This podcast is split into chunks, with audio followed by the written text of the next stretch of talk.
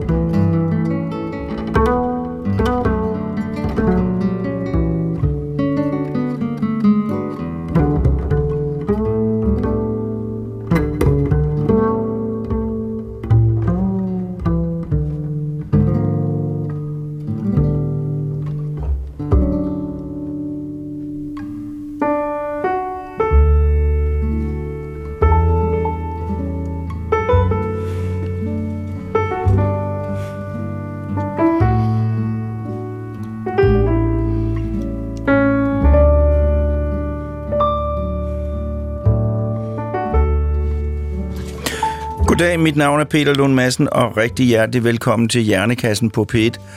Og vi lagde, som man kan høre, helt stille ud på denne novembermorgen med i skovens, dybe, i skovens dybe stille ro med Nils Henning Ørsted Pedersen og Oscar Peterson. Og øh, når vi skal spille det, når vi har spillet det nummer, så er det fordi, at det er, hvad det skal handle om i dag.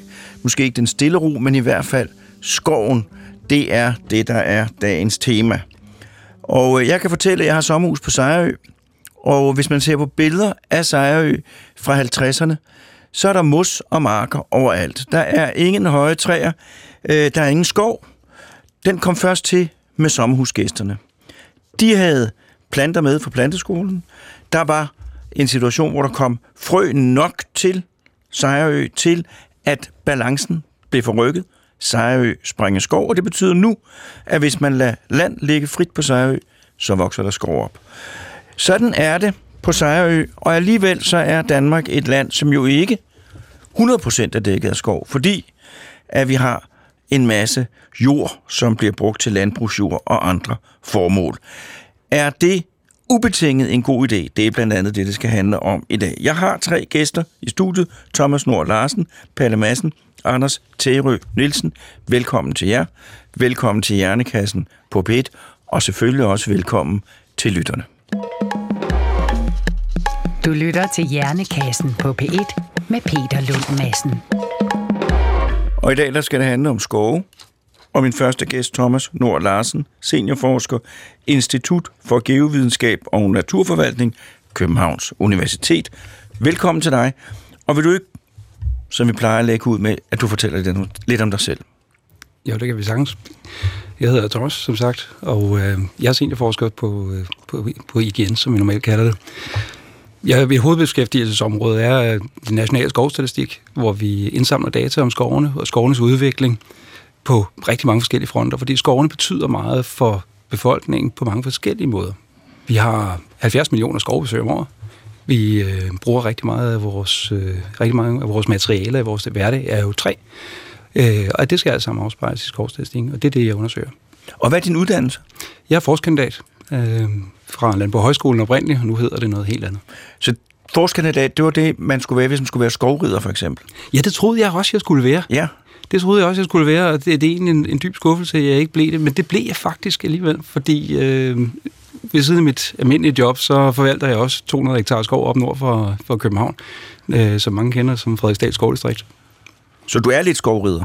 Det er faktisk. Men jeg tror, jeg er den skovrider i landet, der har det mindste arealansvar overhovedet. Der er kun 200 hektar skov, det er ikke ret meget. Det lyder alligevel som en del af mig af Frederiksdal. Det er den skov, jeg kender til jo. Det er det jo. Hvorfor? Fordi det er jo ikke nogen hemmelighed, at øh, I er alle tre skovfans. Øh, og øh, hvorfor er skov så godt, synes du? Skov er jo interessant, fordi jeg kan jo ikke tage til et middagsselskab, uden jeg har noget at snakke om. Øh, alle har en relation til skov. Du kender Frederiksdal Skovdistrikt, det vidste vi faktisk ikke i forvejen, men, øh, men det gør du. Øh, fordi du ligesom alle andre danskere, over 90 procent af danskere, de går mindst en gang om året en tur i en skov. Så vi har alle sammen relation til skov. Vi har alle sammen relation til de øh, dyr, der er derude, til de oplevelser, vi får derude.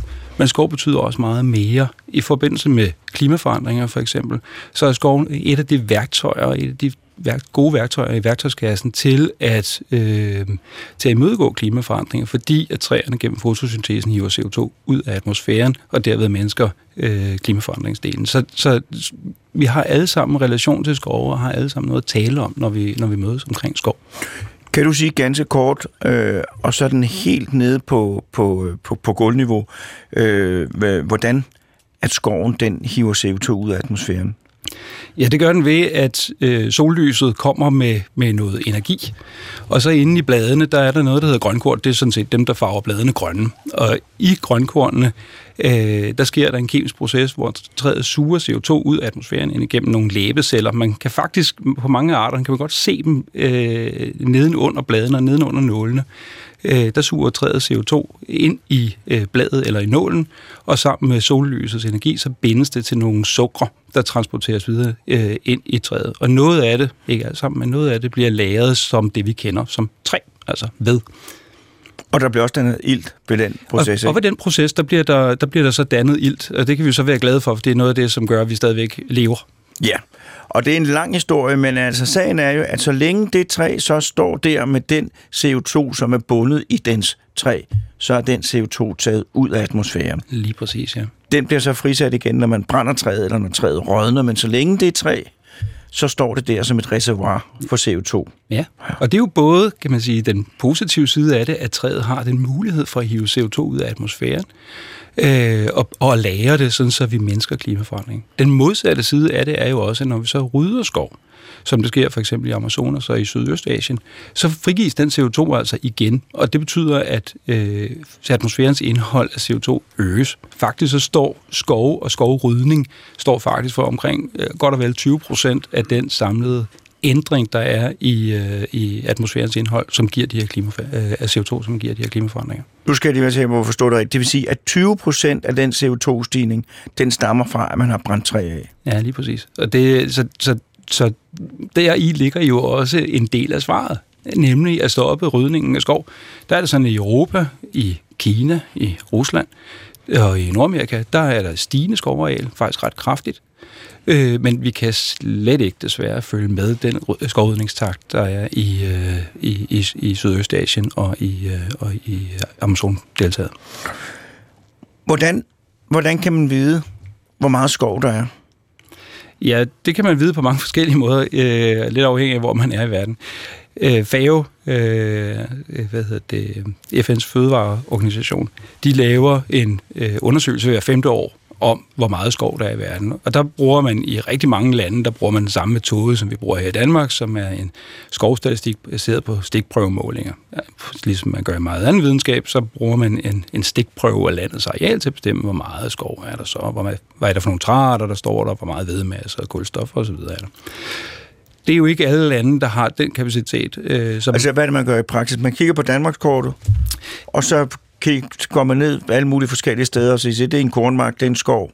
Rent praktisk, så, øh, så starter vores skovstatistik med, at Ib, og det hedder han, øh, sidder og på et kort, øh, hvor vi har lagt nogle tilfældige punkter ud, ja. og siger, at der er skov, og der er ikke skov. Og alle de steder, hvor der er skov, der besøger vores målhold stedet og undersøger, hvad er det for noget skov. For de undersøger mange andre ting, om der bare er skov, øh, som vi gerne vil vide noget om, omkring biodiversitet, omkring kulstoflæring og alt muligt andet.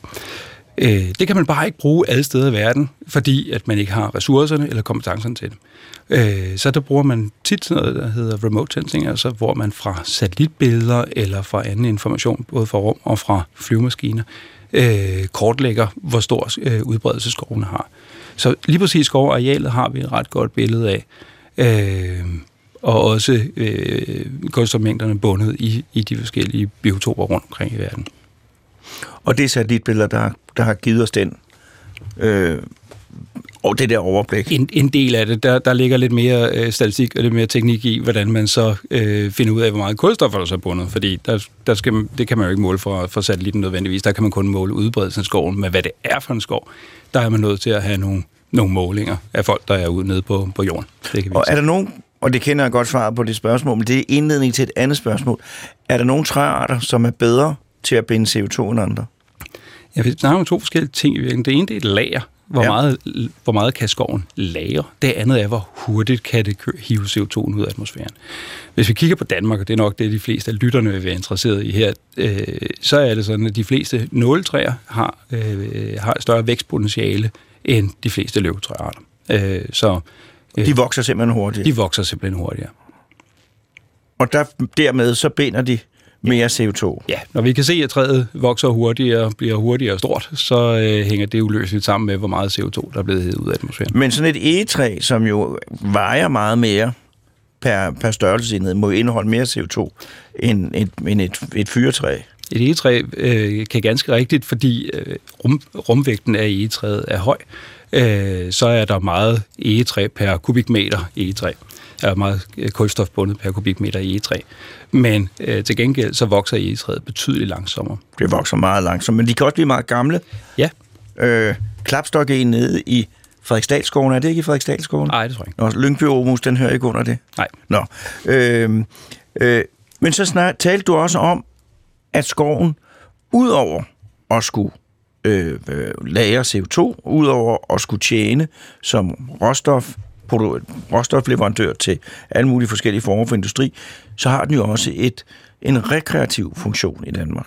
Absolut. Ja, vi har 70, 70 millioner øh, skovbesøg i, øh, om året i Danmark. Øh, som jeg sagde før, så er det over 90 procent af danskerne, de er en tur i skoven mindst en gang om året.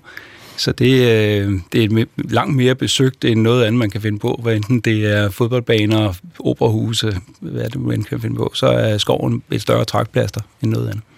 Og er, er det, altså, der må jo være nogle, nogle behov, der, der, der, der kan kollidere en gang imellem. Fordi jeg, jeg kunne forestille mig, at hvis, hvis man nu skulle lave en skov, der til gode, se, til gode så CO2-binding eller produktion, så ville den blive lavet efter nogle, nogle principper. Hvis det kun var det, så den ikke var så interessant at gå i, i forhold til en vildskov, for eksempel. Ja, det er der ingen tvivl om, at der er stor øh, behov for, at man får samordnet de mange hensyn, som skoven kan, øh, kan møde. Øh, på den ene side, så er den jo for, øh, for skovejeren. Det er sådan, at, at øh, over 70 procent af skovene i Danmark, de er privat ejet. Øh, så der er et økonomisk øh, incitament for ejeren til at dyrke sin skov og, og, og tjene nogle penge på den. Øh, det skal selvfølgelig samordnes med, at øh, vi har en naturbeskyttelseslov, der giver alle danskere øh, adgang og ret til at gå i, i, på veje og stier i skoven. Øh, dem skal der også tages et hensyn til. Og så er der også et hensyn til skovenes økologiske funktioner, så biodiversitet, øh, som også skal til, til gode ses. Alle de ting, de skal vejes op mod hinanden. Og det er det, der er så utrolig smukt i virkeligheden, er formuleret i, øh, i, i bæredygtighedsdefinitionen. Der er tre søjler. Den ene, det er den sociale øh, søjle, der handler både om arbejdspladser, men det handler også om vores gåture og bevarelse af fortidsminder og mange andre ting. Så er der den økonomiske dimension. Der er altså et behov for, at, at, øh, at det er en produktionsenhed, fuldstændig ligesom en grundmark. Øh, og så er der den, øh, den økologiske di- øh, dimension af det, at der er noget biodiversitet og øh, nogle dyr, der, der passes rigtig godt på i, i skovene, fordi der er lange perioder, hvor de ikke forstyrres, i modsætning til en kornmark, som jo bliver pløjet en gang om året, øh, og som jo er meget mere intensivt dyrket, så er skovene jo meget mindre intensivt dyrket. Det giver plads til noget, til noget biodiversitet. Og de tre søjler skal på en eller anden måde samme, øh, samordnes, før man kan tale om bæredygtighed. Og hvordan foregår det i praksis? Er der et, et råd at nævn, der sidder og siger, bestemmer ting, eller er, det, eller er der nogle andre måder, man gør det på? Nej, i praksis så er det sådan, at hvis man spørger skovejerne, og det er der nogen, ikke fra mit institut, men fra et andet institut, der har, øh, der har spurgt til, øh, hvad er det egentlig, som ejerne gerne vil med deres ejendom, så er der faktisk et forbløffende sammenfald mellem øh, både ejers selvfølgelig egen interesse omkring økonomi, men også gennem samfundets interesser, fordi ejerne faktisk udtrykker en stor vilje til, at deres ejendom øh, skal, øh, skal, skal imødekomme også behovene for landskabelig skønhed, om du vil, øh, og altså til glæde for skovtursgæsten, øh, men også øh, varetage øh, andre værdier, som for, for eksempel biodiversitet. Det ligger faktisk meget tæt på mange ejeres øh, ønske til deres skov, at, at det er de er helt med på, og det er også en del af det. Men der sidder ikke et råd og et nævn i Danmark, som, som øh, varetager, altså, som siger, her der, der skal du det ene, eller skal du det andet. Der er dog øh, lovgivning. Altså vi har en skovlovgivning, som øh, bestemmer for eksempel, at der skal være, være skov, hvis det er det, der hedder øh, fredskov, øh, som omfatter jeg kan ikke huske tallet præcis, men det er over 70 procent af skoven, som er fredskov. Øh, Og hvad betyder fredskov? Ja, fredskov, det er i virkeligheden alt det skov, som er omfattet af øh, skovloven. Det vil sige, det er det, der er matrikuleret som, øh, som fredskov. Det er ikke fredet skov, som nogen tror. Det er simpelthen alt den skov, som er matrikuleret som skov, og som derfor er omfattet af skovloven. Og hvad betyder det at være matrikuleret som skov? Det vil sige, at der i matrikelregistret står, at det her det, Det her, det er skov. Ja. Og så kan man ikke komme lige og lave noget andet. Så kan man ikke bare komme og lave noget andet. Der er faktisk skovloven en af de aller, aller strammeste lovgivninger, vi har i, øh, vi har i landet. Det binder laver nogle ret kraftige bindinger på øh, på den øh, anvendelse, man må have af, af skoven. Man må for eksempel ikke begynde at bygge et hus ude i skoven eller noget andet. Øh, og, der, og administrationen er, er ret stram. Så du er ikke i tvivl om, at det er godt med skov. Og du er formentlig også af den mening, at det vil være godt med noget mere skov. Ja, på mange måder øh, er jeg nok det. Øh, men vi skal bare tænke på, at, at resten af, af landet har jo også andre behov. Så, så, øh, så jeg tror ikke, jeg er sådan, så naiv, at jeg tror, at det hele skal være skov. Det tror jeg alligevel vil være ærgerligt. Men hvad kan man gøre for at få mere skov? Ja, der har regeringen jo siden 1989 besluttet, at vi skulle fordoble det danske skovareal øh, inden for en trækgeneration. Øh, så, så der gøres jo politisk noget for det. Øh, nu er der med Landbrugsparken blevet vedtaget, at skovarealet skal øges.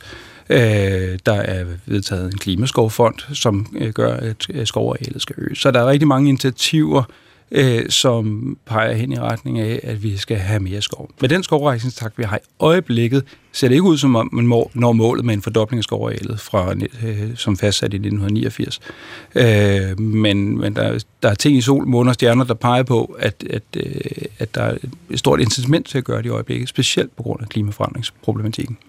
Og det foregår i praksis så sådan, at, der er, at man indkøber arealer og planter skov og siger, at nu skal det her være skov for, for, for resten af tiden. Der, der er flere veje øh, til, til Nirvana. Øh, den, ene, den ene vej, det er, at øh, staten opkøber arealer. Det gør de også i et vist omfang og planter skov på.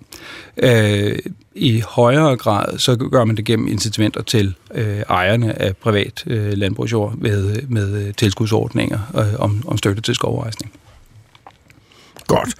Øhm, øh, hvad det hedder... øh, øh, og nu er jeg lige løbet tør for spørgsmål. Det var en beklagelig situation.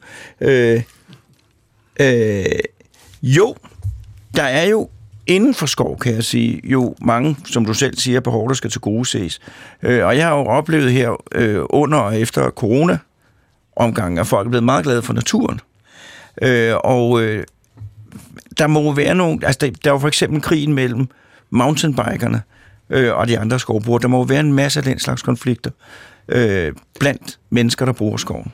Der, der er ingen tvivl om. Nu rammer du et uh, smertens barn hos, mig. Uh, yes. det, det er jo sådan med, med de mange forskellige brugergrupper, der er i, i skoven. Uh, dels er der mange forskellige arealanvendelser. Men udover det, øh, og mange forskellige hensyn, der skal tages i forhold til bæredygtighed, men selv inden for den samme øh, gruppe, altså omkring rekreation, så er der jo også konflikter. Der er folk, der gerne vil ride på en hest, og det er den måde, de oplever skoven på. Der er folk, der gerne vil gå på jagt. Der er folk, der gerne vil kigge på en fugl. Og så er der nogen, der gerne vil køre hurtigt på en cykel. Og, og de øh, forskellige øh, brugsformer, de samordnes rigtig dårligt øh, i nogle tilfælde. Specielt mountainbikerne giver et problem, fordi de kommer hurtigt omkring hjørnerne, Øh, det er hverken heste eller folk på gåtur særlig glade for. Og så er det faktisk også sådan, at dyrelivet er heller ikke specielt glad for dem, fordi de kan godt lide at køre de steder, hvor alle de andre ikke færdes. Og et rådyr eller en duehø kan sådan set sagtens acceptere skovgæsterne, når de er der, hvor de ligesom plejer at være. Det vender dyrene så også til. Men når, at, øh, når folk kommer et andet sted øh, og kommer hurtigt, øh, så er det, der er heller ikke rigtig plads til, til dyrelivet. Specielt fuglene er, er påvirket over for det. Så, så øh, jeg tror, vi trænger måske til, en, at der, der sker en kulturændring blandt, øh, blandt nogle mountainbiker. Rigtig mange har selvfølgelig godt forstået, at der er mountainbike-spor til det samme, men, øh, men der er nogen, der godt kunne. Jeg kan sige, at jeg vil simpelthen ikke ture. Det er sindssygt farligt, især for midalderne mænd, at køre rundt på en cykel uden skov, op og ned ad bakke, øh, under de betingelser. Man risikerer at brække nakken. Øh, jeg vil simpelthen ikke ture. Nej. Øh, men øh, men øh, man, kunne, man kunne håbe på, at man kunne bygge nogle baner nogle steder. Hvor de det, kunne- er der, hvor de- det, det er der jo. Statsskovene laver i, i stor stil, øh, og, og, og kender det ansvar, som statsskovene har for at tilbyde befolkningen øh, friluftsmuligheder. Så statsskovene laver sådan set med mountainbikespor øh, rigtig mange steder, som, som, man, som man kan bruge. Men det ligger måske nok lidt i naturen, når man kører, kører mountainbike. Øh, lidt ligesom at være surfer eller noget andet, at man gerne vil være der, hvor at, øh, man er den første. Eller Den første, der har været. Ja. Jeg vender tilbage til dig senere. Tu- tusind tak, fordi du vil komme.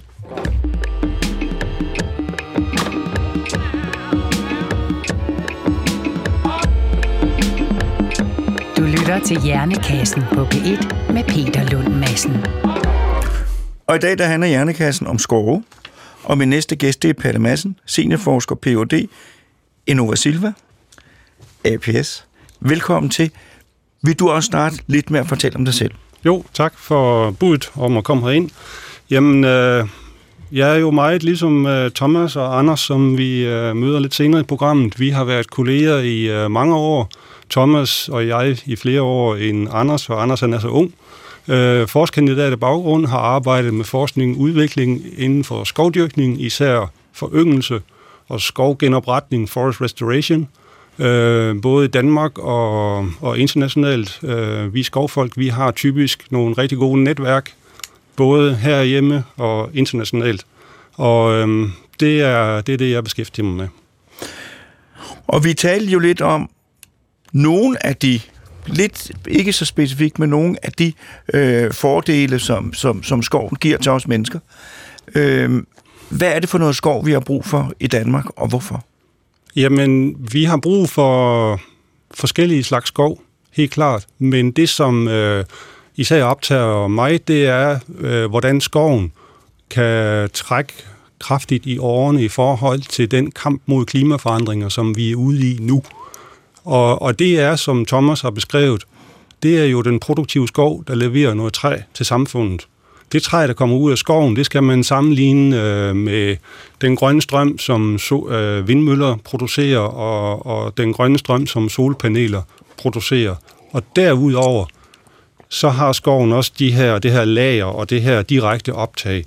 Men, men træets betydning for den grønne omstilling, især i forhold til det store energiforbrug, vi har i byggeriet, der er det pinligt øh, vigtigt, at vi ikke skruer ned for træproduktionen, men vi får skruet op for træproduktionen. Og det betyder ikke, at hver eneste kvadratmeter skal udnyttes til intensiv skovdrift for træproduktion, men det betyder, at det er noget, vi ikke må glemme at smide ud med badevandet.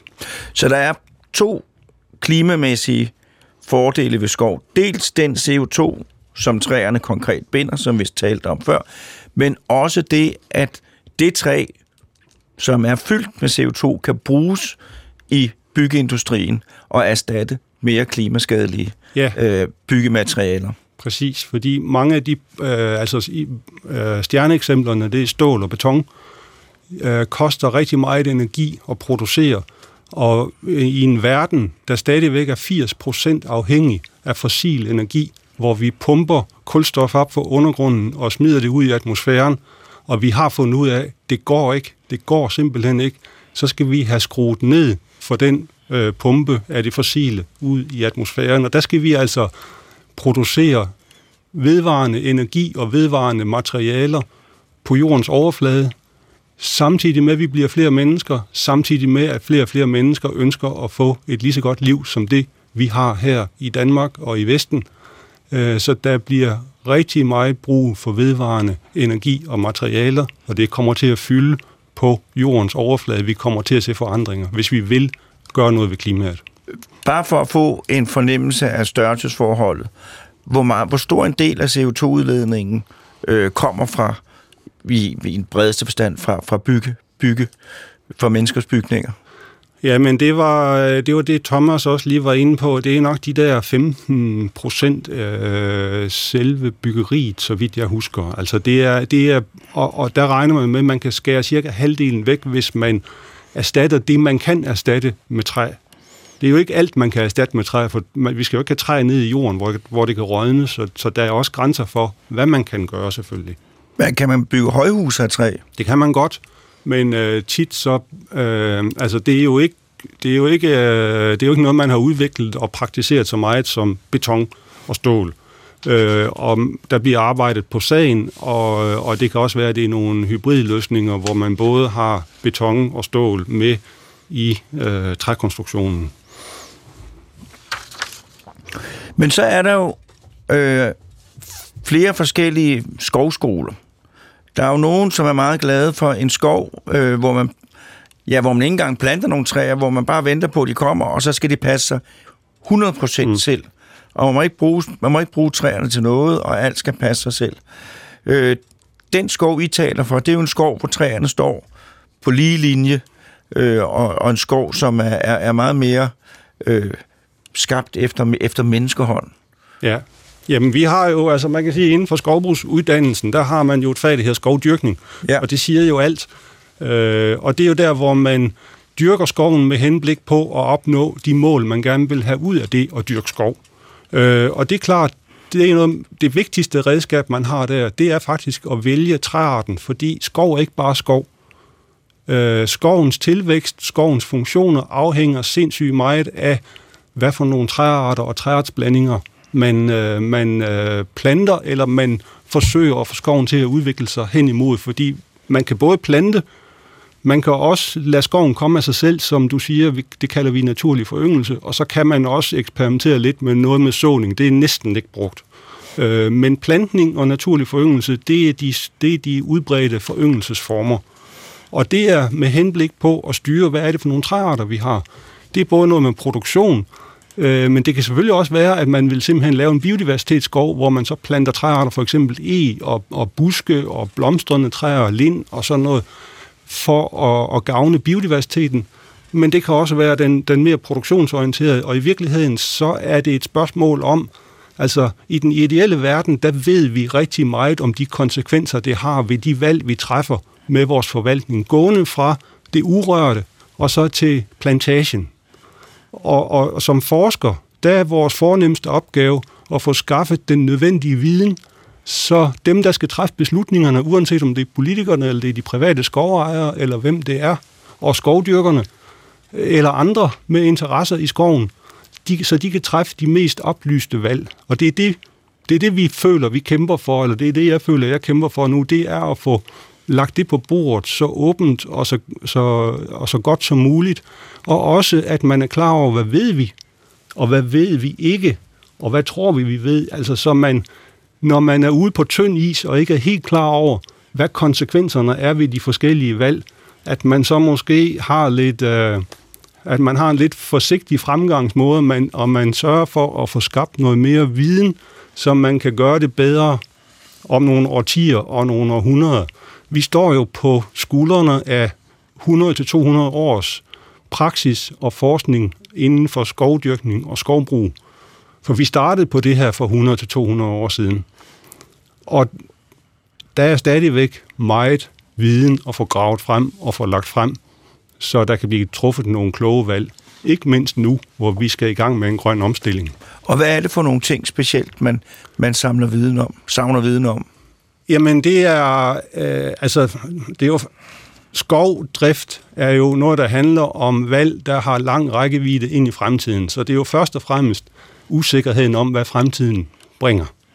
Vi vil jo, når vi øh, skal vælge træarter, og vi ikke rigtig ved, hvordan fremtidens klima bliver, men vi kan se, at det forandrer sig hurtigt, så er vi jo sådan lidt på gyngende grund. Og der er, er sådan noget som porteføljetankegang og risikospredning jo helt afgørende, at man, man øh, er i stand til at dyrke mange forskellige træarter og forskellige dyrk, øh, blandingsskovtyper, øh, for at sikre, at man ligesom har taget højde for lidt af hvert ind i fremtiden. Så er der også hele, øh, hele aspektet omkring øh, den måde, man forvalter skoven på, og, og hvordan får man så gavnet flest muligt af de arter, vi gerne vil øh, vi gerne vil have overlever og ikke forsvinder fra jordens overflade. Hvordan kan man gøre det?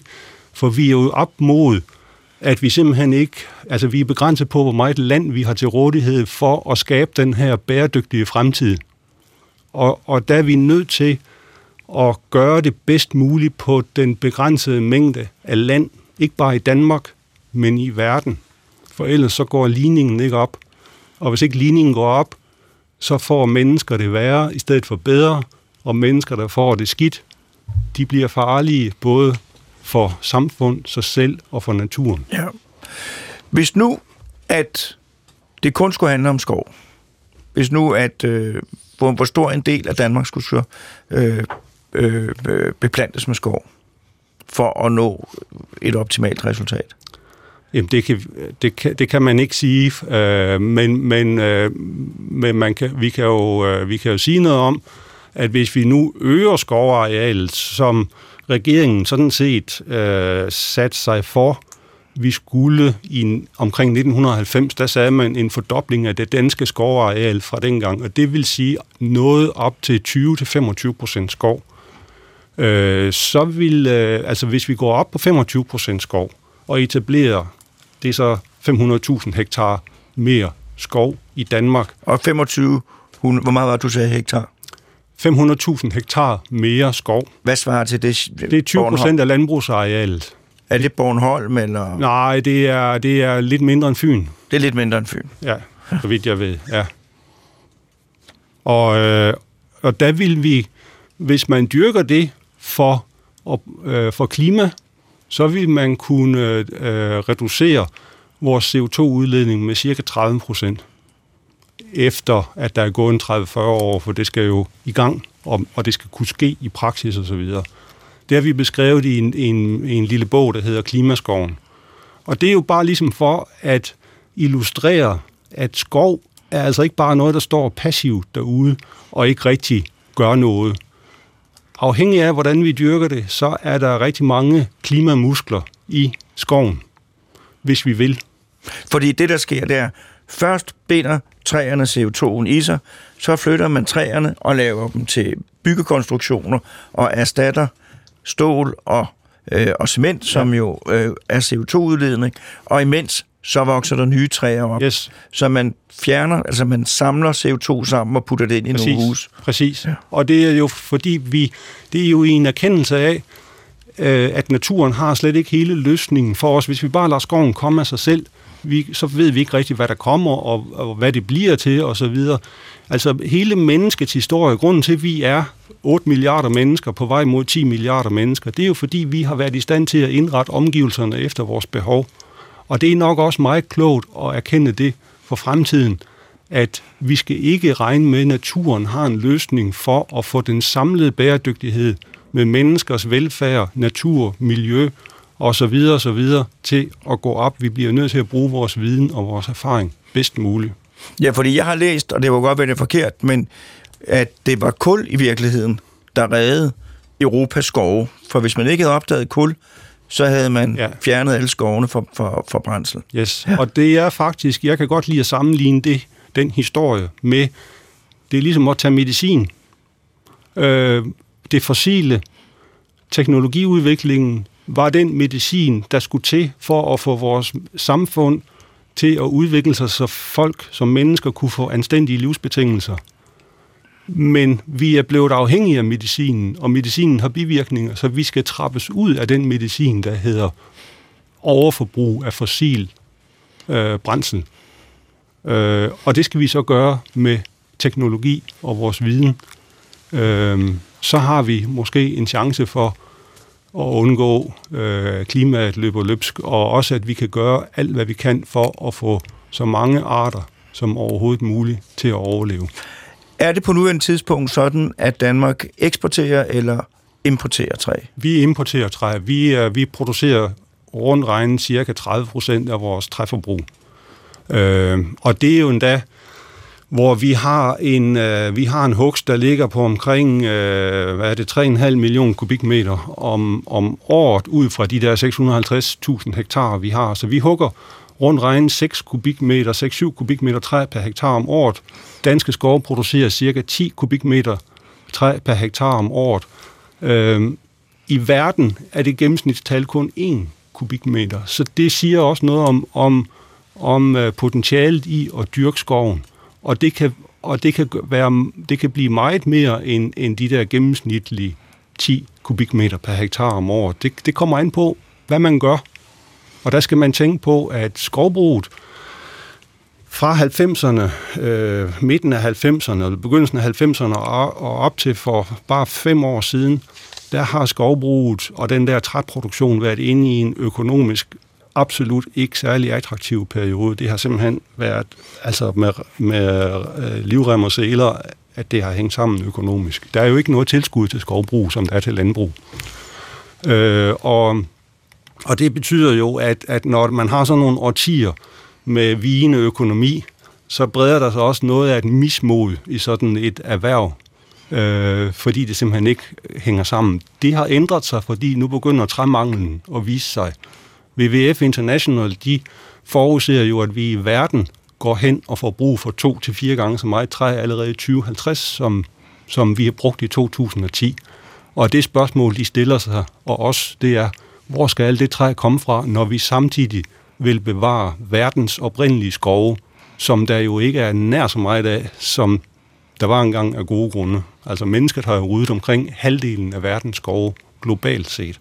Og vi har været der i Danmark, og vi er kommet lidt tilbage, men vi er ikke kommet ret meget tilbage, selvfølgelig fordi vi har vi bor i det her lavland, hvor hver eneste kvadratmeter kan opdyrkes. Det er en helt speciel situation. Vi har jo ikke bjergområder, som bare hvis vi går til Tyskland. Og vi har ikke store områder, der ikke kan udnyttes landbrugsmæssigt, hvis vi går over til øh, Sverige og Finland og Norge. Øh, så vi har alle muligheder, og landbrug har jo traditionelt været den stærkeste øh, mulighed øh, for udnyttelse af landareal i Danmark. Så som I selv siger, der er mange modsatrettede øh, krav på, og der er mange, der gerne har fornuftige idéer til, hvad vi skal bruge landet til.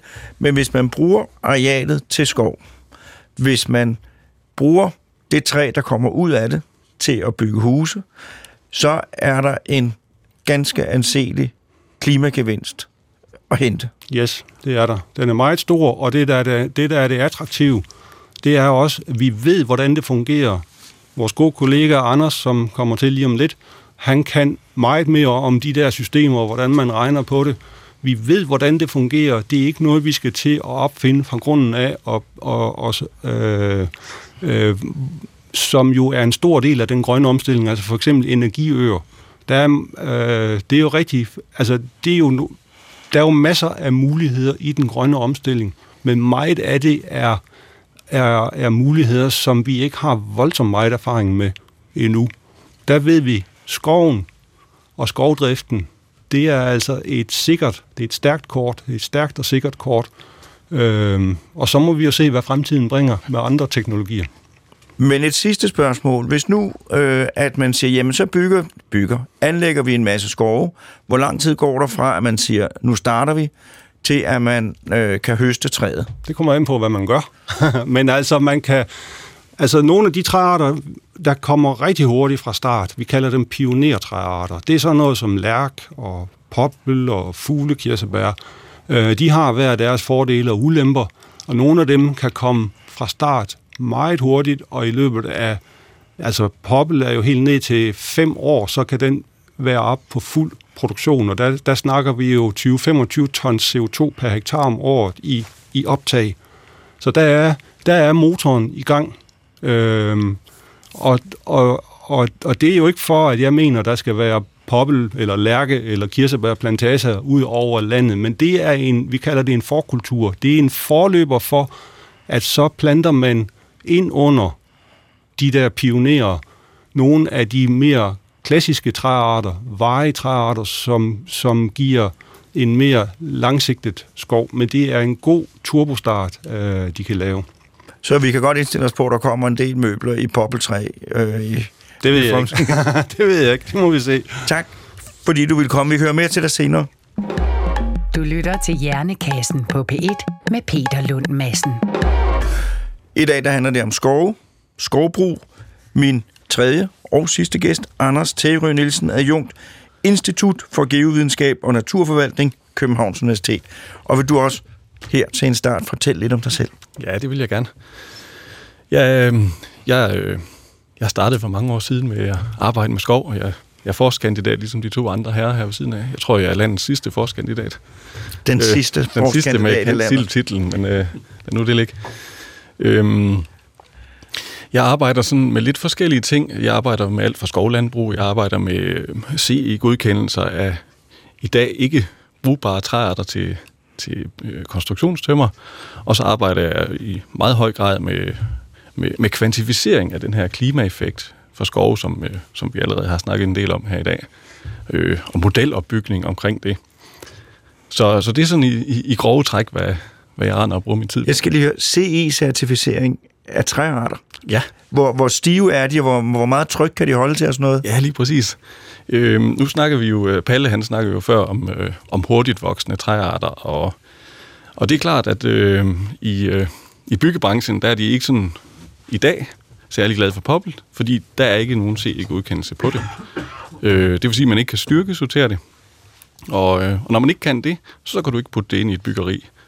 Øh, grunden til, at jeg arbejder med, med, med det, det gør jeg jo sammen med Thomas, som, som også er i studiet i dag, det er, at, øh, at vi har nogle træarter, som vokser meget hurtigere, end dem vi i dag bruger til konstruktionstømmer.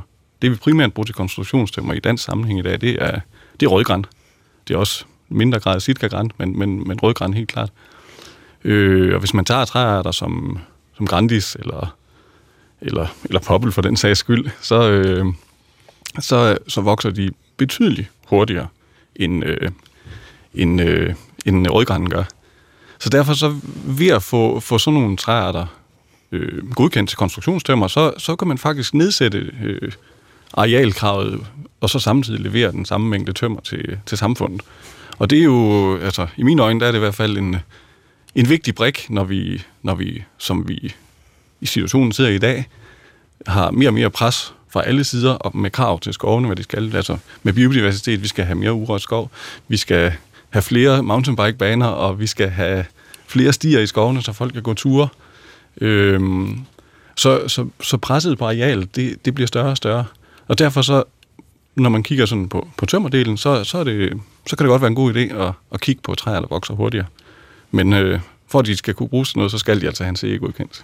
Og den står, er du en af dem, der står for? Ja, det...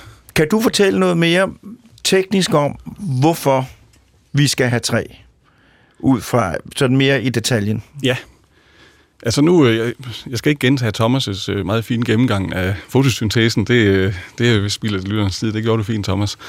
Øhm, men, øh, men som sagt, så, så bliver øh, der bliver træet jo, altså det, det er jo lavet af, af kulstof, i hvert fald halvdelen af træet. Øh, det svinger sådan mellem 47 og 53 procent af, af en stamme, et stykke træ eller en, et, øh, et tagspær, det er, det er, det er kulstof. Øh, og det stammer direkte fra det her CO2, som vi har taget ud af atmosfæren. Øh, så, så det er jo sådan selve motoren i det.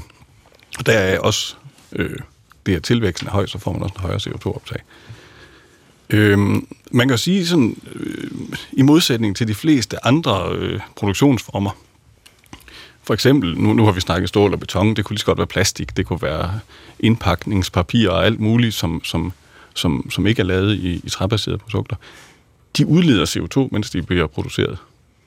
Fordi det, det er jo nogle gange sådan, det er, når man skal varme et stykke stål op og forme det om til et tagspær, så, så koster det en frygtelig masse energi, og det, det er jo i dag for en stor andel stadig øh, baseret for, øh, på fossil brændsel. Træerne, de, øh, de optager mere CO2, end vi bruger. Altså når man, når man kigger også en hel øh, skovomdrift, så den energi, vi bruger, altså vi, vi, det udleder jo også CO2, når vi kører rundt med en skovmaskine, når vi er ude og plante, hen i planteskolen, når man, når man producerer en plante i en planteskole, så udleder det CO2. Øh, men hvis man kigger over hele omdriften på et træ, så svarer det ind skovdyrkningsdelen svarer kun til cirka 3 procent, 1-3 procent af den samlede, altså det CO2, der er blevet taget op, imens træet er vokset, indtil det blev klar, der har man kun brugt 3 procent af de, hvis man så bruger fossil brændsel i, I skovmaskinerne og ja. det der, hvad, hvad man nu bruger i løbet af, af en omdrift.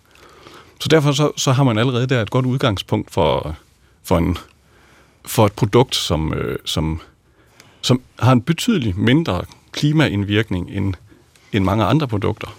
Øh, og det er sådan set grundlæggende det, det der sker ude i skoven.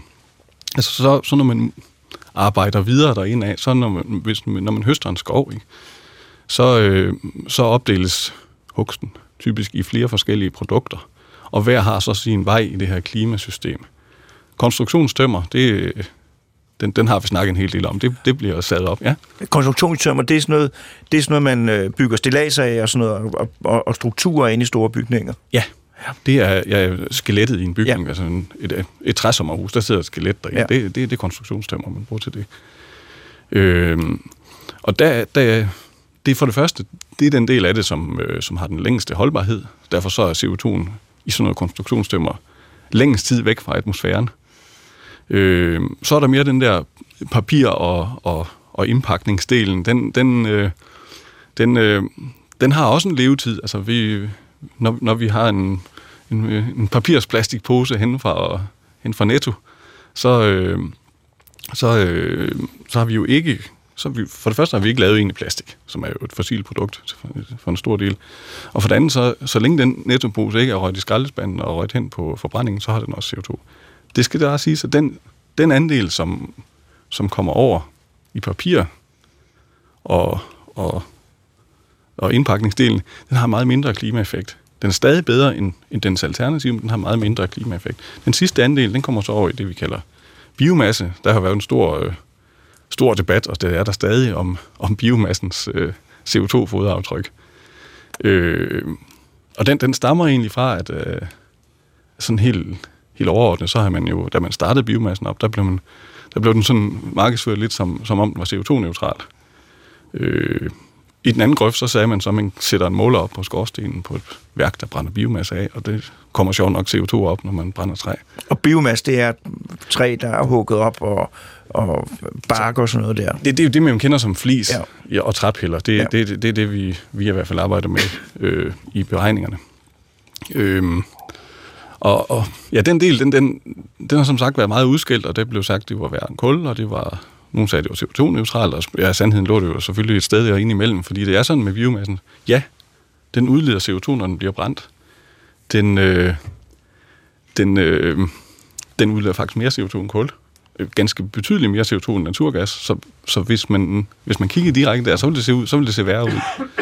Det er bare sådan med, med biomassen, at den, den kommer jo fra, fra træer, som vokser op igen, så, så det CO2 bliver taget ud igen. Der er bare en tidsforskydning på det. Ja, fordi kul-CO2, det er jo noget, der blev taget op for mange millioner år siden, og har ligget der i sikkerhed, og nu bliver det brændt af. Ja. Det, der kommer fra træerne, det var noget, der blev samlet sammen sidste år. Ja, det kan man sådan, sådan lidt populært sagt. Ja. Det tager lidt længere end år, men... men øh, noget af det sidste år. Ja. Øh, det har vi sådan arbejdet lidt mere, sådan, gået lidt mere teknisk ind i. Hvis man sådan kigger på det og tager en, kigger på en skov, hvis du savede det hele til flis og kørte det på et varmeværk, og så ikke fik alle træprodukterne, konstruktionsstemmer og sådan noget, så er det ikke en god idé at bruge biomasse til, til energi. Hvis man derimod kun bruger det, som, som, øh, som vi kalder ægte restprodukter, det vil sige træ, som ikke har en anvendelse, så vil du ganske, ganske hurtigt have, have genoptaget det her CO2, som du har udledt ved afbrændingen. Og i, det, i så fald er det en god idé at bruge biomasse. Men øh, det er en lidt polariseret debat, så vi må prøve at få den lidt på ret køl. Jo, jo, men det giver jo god mening. Det er jo et supplement til det andet, man kan bruge træet til. Øh, og det, jeg tror, de fleste kan regne ud, at hvis man øh, lader træ vokse op, og så hakker det i små stykker og, og brænder det, så er det ikke den optimale måde at anvende træet på. Ej, og de fleste skal også skal se, at der er jo også noget, barken og sådan noget, der skal bruges til noget. Mm. Øh, og det bliver så brugt på en måde, som, som i hvert fald er bedre, end hvis det var kul. Ja. Ikke? Og det, det er jo det, vi historisk set har gjort, det er at lægge, lægge kul, særligt kulværker, men også i en vis grad naturgasværker om til biomasse. Så det er sådan en direkte udskiftning af et kulværk til et biomasseværk. Ved du noget om, hvor mange... Hvor, det er kun et tillægsspørgsmål, det er jo ikke inden for dit område, det er kun, hvis du ved det. Øh, hvor, hvor, hvor stor en procentdel af, af, af energien kommer fra kul i Danmark? Det er ikke noget, du skal vide. Mm. Jeg ved det for eksempel ikke. Nej. En tredjedel, tror jeg. Ja, det er cirka en tredjedel. Altså hvis, du kigger, hvis du kigger inden for, for øh, varme- og elsektoren. Ja. ja. Så det er alligevel stadigvæk en betydende del af Danmarks Der er stadig betydelige mængder øh, kulvarme i Danmark og naturgas endnu. Og kul, er det ikke rigtigt, når jeg siger, at det er den mest lavt hængende frugt af dem alle sammen? Absolut. Og få det væk skiftet om til biomasse og naturgas. Ja, Der absolut. får man virkelig... Øh, Thomas, du må godt sige noget. Ja. noget af det, som bliver interessant i fremtiden, det er jo, at når vi, øh, når vi brænder træ af, som Anders så rigtigt siger, så leder vi CO2 ud i atmosfæren. Det er ikke øh, nogen nyhed. Men det giver også en særlig mulighed, som for eksempel IPCC, øh, det internationale klimapanel, har udtrykt, det er, at hvis vi skal nå prismålsætningens halvanden grads kriterium, så kræver det, at vi faktisk begynder at hive netto CO2 ud af atmosfæren. Altså hiver den ned og putter den tilbage ned i undergrunden. Det, øh, det, der, der er faktisk en mulighed her, som vi ikke har snakket om endnu. Det er, at træerne er jo en glimrende motor til at hive CO2 ud af atmosfæren og koncentrere det. Når vi så brænder træet af, så får man stort set ren CO2 op af skorstenen, og den kan man faktisk fange. Og så kan man bruge, ja, gøre en af to ting øh, med den. Enten så kan man tage den og lede den direkte ned derfra, hvor vi har hentet vores naturgas, øh, og det er den danske undergrund faktisk meget velegnet til. Og så laver man et permanent lager af CO2, altså netto hævet øh, CO2 ud af atmosfæren. Den anden mulighed, som øh, der er initiativer i gang med, som er rigtig spændende, det er, at man tager det CO2, øh, og så bliver det mere teknisk, end jeg forstår mig på, men man leder det sammen med, øh, øh, med øh, vores biogas, og bruger vindmøllestrøm øh, til at lave brint, og leder de ting sammen, og så kan man faktisk begynde at lave for eksempel sådan noget som flybrændstoffer. Det vil sige, at vi pludselig kan begynde at øh, lave den del af de sektorer, som vi ellers har meget svært ved at finde ud af, hvordan vi skal undgå de fossile brændsler, til, øh, til at bruge vedvarende energi. For eksempel når vi tager en tur til Madeira, eller hvor vi nu har tænkt os at... Eller Japan, så er det på sådan med den reneste samvittighed og med vedvarende energi. Der er stadigvæk et, et, øh, kæmpemæssigt problem med at skaffe nok energi og materiale til alle de ting, vi gerne ja. vil. Så vi skal selvfølgelig passe på, hvordan vi bruger dem. Men, men øh, ikke desto mindre, så tror jeg, at det er nogle af de veje, vi skal, at vi faktisk bruger selv det restprodukt, vi kunne kalde, som vi kunne kalde CO2, selv det restprodukt bliver genanvendt. Øh, på den bedst mulige måde. måde. måde ja. øh, men, men Anders, øh, vil du sige noget? Undskyld. Ja, jeg vil, jeg vil bare øh, lægge til, at øh, altså, så derfor så er det jo øh, han har sagt det værst tænkelige tidspunkt i vores, øh, i vores historie, at, at, øh, at vi, er, altså, vi risikerer ved at træffe nogle forkerte beslutninger og få skruet ned for den her træproduktion i verdens skove. Vi har virkelig brug for at få skruet op med henblik på den grønne omstilling. Og, og i den sammenhæng, øh, der kommer hele innovationen og bruge de begrænsede mængder øh, af træ, vi har til rådighed i verden bedst muligt, som nu for eksempel det Anders øh, han beskrev her, det er, det er sindssygt vigtigt for klima action, action at vi, øh, vi får skruet op for produktionen. Og Anders, hvordan, hvordan, hvordan får vi nogle flere skove på verdensplan?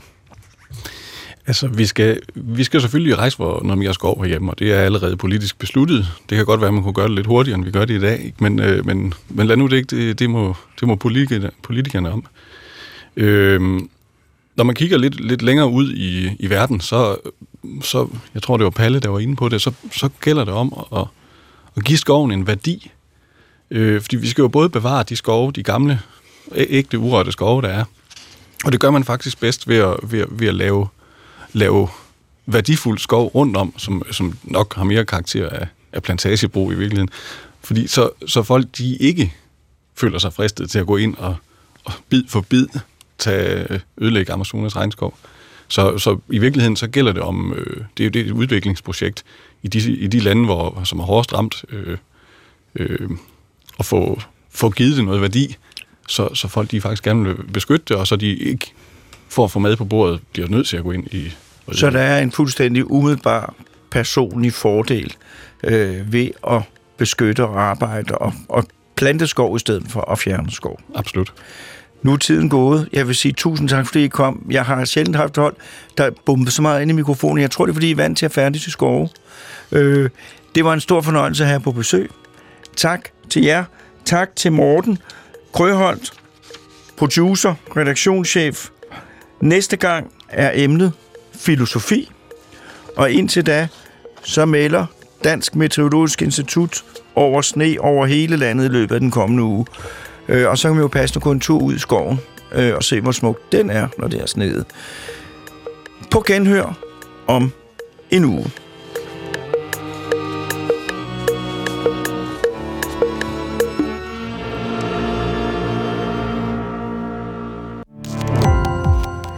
På opdagelse i alle DR's podcast og radioprogrammer. I appen DR Lyd.